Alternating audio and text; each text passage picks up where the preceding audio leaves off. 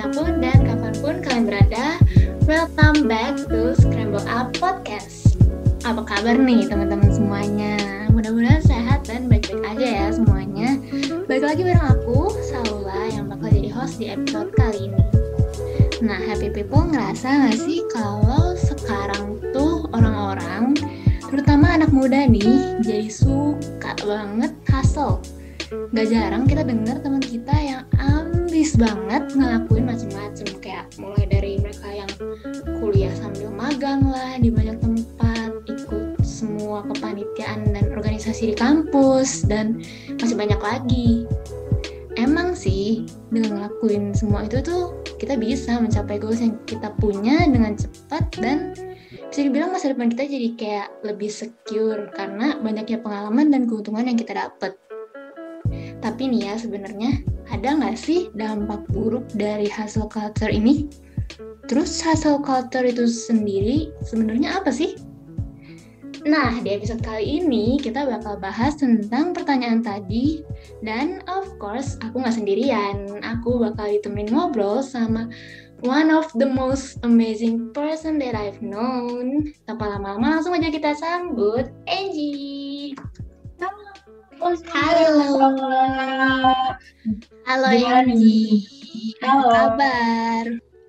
Kabar baik banget, puji Tuhan. Gimana nih kabarnya Saula? Baik juga nih, puji Tuhan. Boleh langsung kenalin diri dulu nih Yanji buat happy people yang lagi pada dengerin. Halo happy people semuanya, perkenalkan aku Giovanni Angeli, biasa dipanggil Angie. Aku seorang mahasiswi di Fakultas Kedokteran Gigi, tingkat 2 atau semester 3 di Universitas Pajajaran. Salam kenal semuanya. Salam kenal. Nah, tahu nggak sih kita di podcast kali ini bakal ngebahas soal hustle culture nih. Kamu sebelumnya tahu nggak hustle culture itu apa? Tahu-tahu. Nah, kalau menurut aku pribadi sih, hustle culture mm -hmm. itu semacam kayak budaya atau culture gitu, nah, di mana kita itu overwork atau bekerja secara maksimal, tapi nggak ada istirahat gitu tuh. Nah, overwork dan kerja secara maksimal, tapi nggak istirahat. Kalau -huh. dari temen kamu sendiri nih, lingkungan kamu sendiri, ada nggak yang nerapin hustle culture ini? Ih, ada banget dong. Banyak malah. Kayak nggak cuma satu dua. Bahkan kebanyakan teman-teman di lingkungan aku itu, bahkan termasuk aku, sering korbanin waktu tidur ataupun waktu makan aku plus kadang-kadang sering banget waktu main kita tuh buat ngerjain tugas atau belajar buat ujian atau kayak kita tuh kalau di FKG tuh ada responsi gitu. Nah kalau dari Saula tuh sendiri gimana nih? Aku ya, hmm, temen hmm. aku sendiri yang nerapin hasil kultur juga banyak. Mungkin dari kayak fakultas aku sendiri juga ada yang kayak gitu dan dari temen yang luar fakultas juga ada. Jadi dia benar-benar prioritasin tugas di atas segala-galanya dan makan tuh prioritas paling terakhir dia gitu. Nah kalau tadi kan itu pengalaman temen ya. Kalau misalkan pengalaman kamu pribadi gimana? Ada nggak? Ada banget nih. Nah kalau untuk pengalaman pribadi aku yang menyangkut hustle culture tuh kayak aku tuh pernah nih bahkan sering banget gak makan. Kayak lupa Aduh. makan, lupa minum. Karena tuh fokus banget ngerjain tugas dan kayak punya pemikiran, aduh, aku makan minum bisa nanti deh. Tapi tugas hmm. ini tuh harus hmm. selesai, kayak aku harus selesaiin dulu tugas ini nih. Terus aku juga pernah tuh tidur kayak cuma 2 sampai tiga jam karena belajar buat ujian. Soalnya takut hmm. banget tuh nilai aku jelek dan gak memenuhi target. Terus nanti ketinggalan tuh sama teman-teman yang lain. Terus hmm aku juga pernah nih soalnya waktu SMA tuh waktu istirahat pun bahkan aku pakai buat ngerjain kayak semacam kerjaan dari bimbel gitu kayak progres lah intinya namanya oh, tahu lah dari iya, iya, iya. ya. Terus mm-hmm. aku pun selama pernah tuh selama waktu selama SMA kelas 12 itu yang lagi kenceng-kencengnya nyiapin UTBK nih waktu itu, aku sampai ikut tiga les buat persiapan SBMPTN. Tiga. tiga di mana dua lesnya tuh private dan satu les tuh di tempat bimbingan belajar gitu supaya akunya bisa maksimal gitu.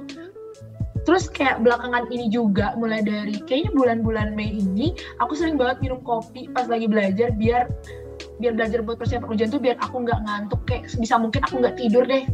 Karena takut banget nanti nggak bisa besoknya. Itu hmm, iya sih di satu sisi kita tuh jadi kayak karena kita nge-hustle di sisi lain kita pasti ngerasa termotivasi buat pengen ngejar terus. Hmm. si, si sedang langsung kayak ngejar mimpi gitu kan dan pengen sukses di banyak hal.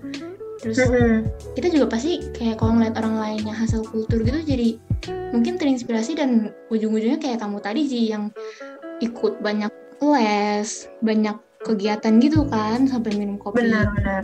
segala macam tapi aku pernah baca nih di salah satu artikel di internet katanya tuh ada salah satu penelitian jadi dia tuh bilang kalau mereka yang kerja 50 jam per minggu mereka punya resiko lebih tinggi buat kena penyakit kardiovaskular sama penyakit cerebrovaskular.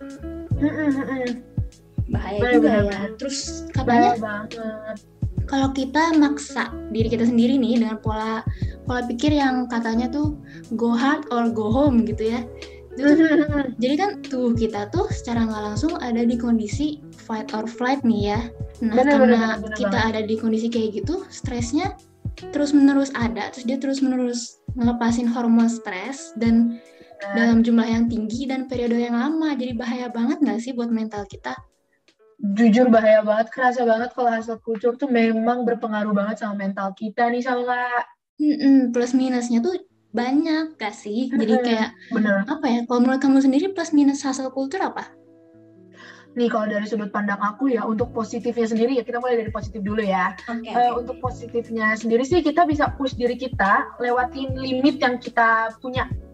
Dan biasanya hmm. kita sendiri akan jadi pribadi yang lebih bertanggung jawab sama apa yang kita lakuin karena uh, kita sendiri punya pemikiran what we do atau things that we do tuh harus uh, maksimal gitu semuanya. Hmm, iya, Tapi men tapi sih Saula dan teman-teman semua menurut aku lebih banyak nih efek negatifnya dibanding efek positifnya nih dari hasil culture ini hmm. um, based on my own experience dari aku ikut uh, kepanitiaan dan ikut uh, dan ikut belajar-belajar kayak gitu dan ya, memang kewajiban kita belajar juga aku jadi pribadi yang sangat anxious dan tidak mau kalah dari orang lain dalam artian tuh aku nggak mau ketinggalan jadi uh, aku selalu bandingin progres aku sama progres orang lain kayak kalau misalnya Saul udah sampai Z aku udah harus di M gitu aku nggak boleh hmm. kalah gitu hmm.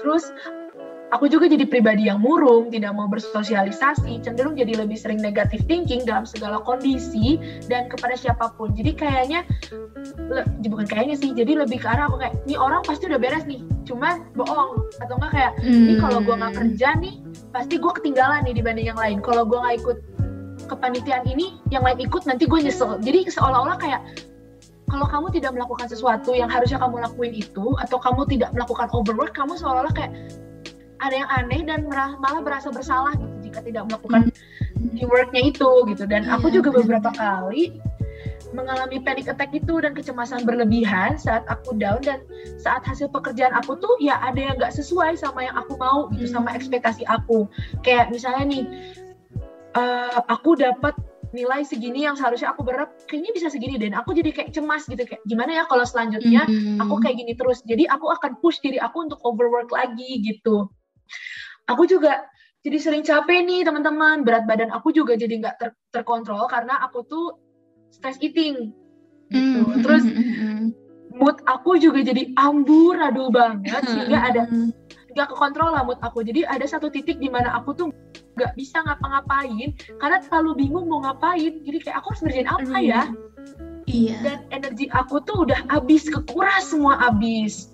Kayak kalau dari aku sih gitu sih. Jadi memang benar lebih banyak negatifnya dibanding positifnya gitu dari si hasil culture ini. Kalau menurut Saula sendiri gimana nih? aku juga sebenarnya di satu sisi ngerasa kayak lebih banyak negatifnya sih emang mungkin uh, kalau dari aku sendiri aku juga kalau misalkan kayak Angie tadi kan jadi uh-huh.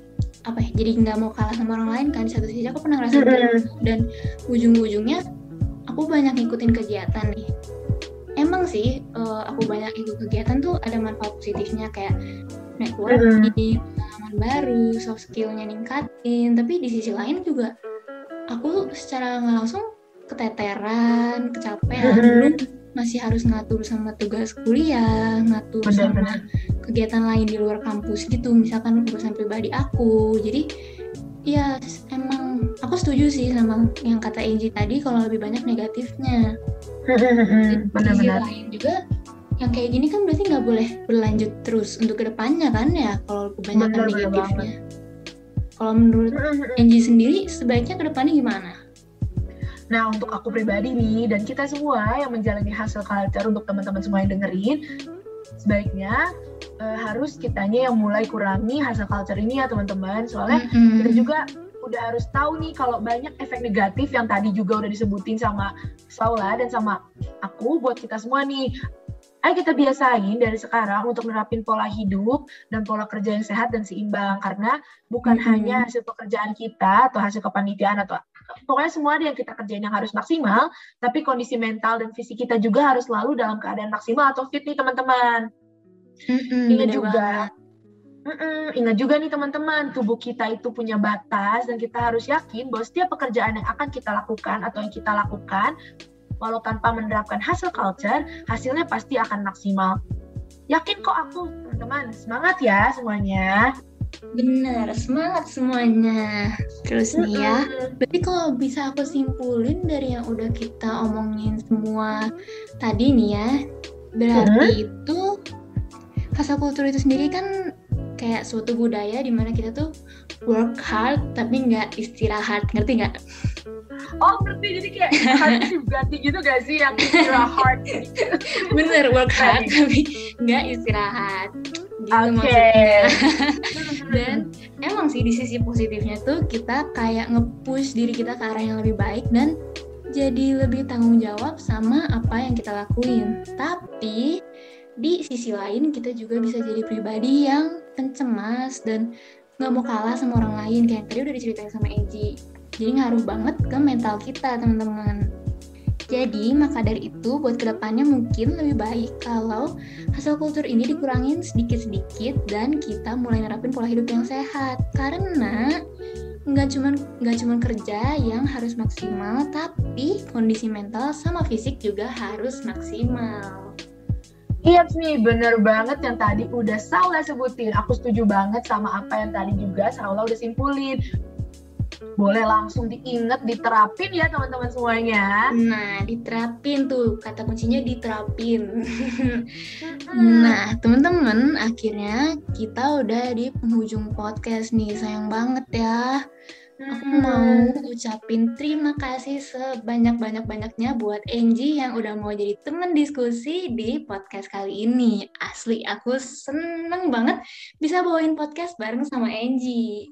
Aduh malu banget nih sama-sama nih.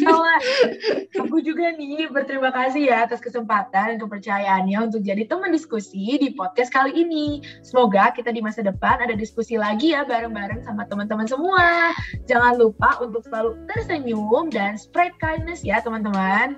Yes, bener banget. Terus nih ya, aku juga mau nyampein makasih buat temen-temen yang udah dengerin podcastnya sampai di sini.